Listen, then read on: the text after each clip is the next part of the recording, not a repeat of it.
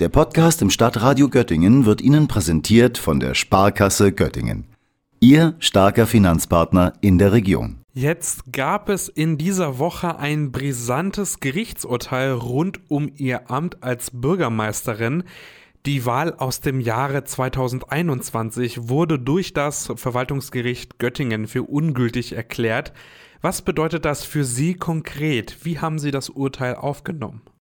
War von dem Urteil sehr überrascht, weil das Gericht ja geurteilt hat, dass meine Besuche in den Dörfern, die ich vor der Bürgermeisterwahl abgehalten habe, nach Auffassung des Gerichtes meine Neutralitätspflicht verletzt hätten. Das ist so entschieden worden. Ich musste es erstmal zur Kenntnis nehmen, hatte aber bis dahin wirklich nach meiner Meinung immer sehr darauf geachtet, mein Amt neutral zu führen und das auch zu unterscheiden von Wahlkampfaktivitäten.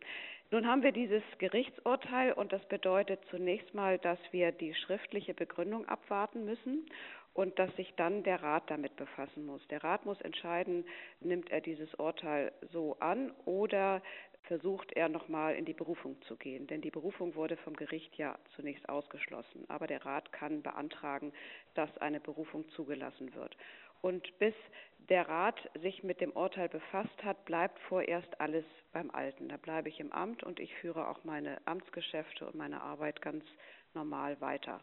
Wie gesagt, diese Ratsentscheidung bleibt abzuwarten.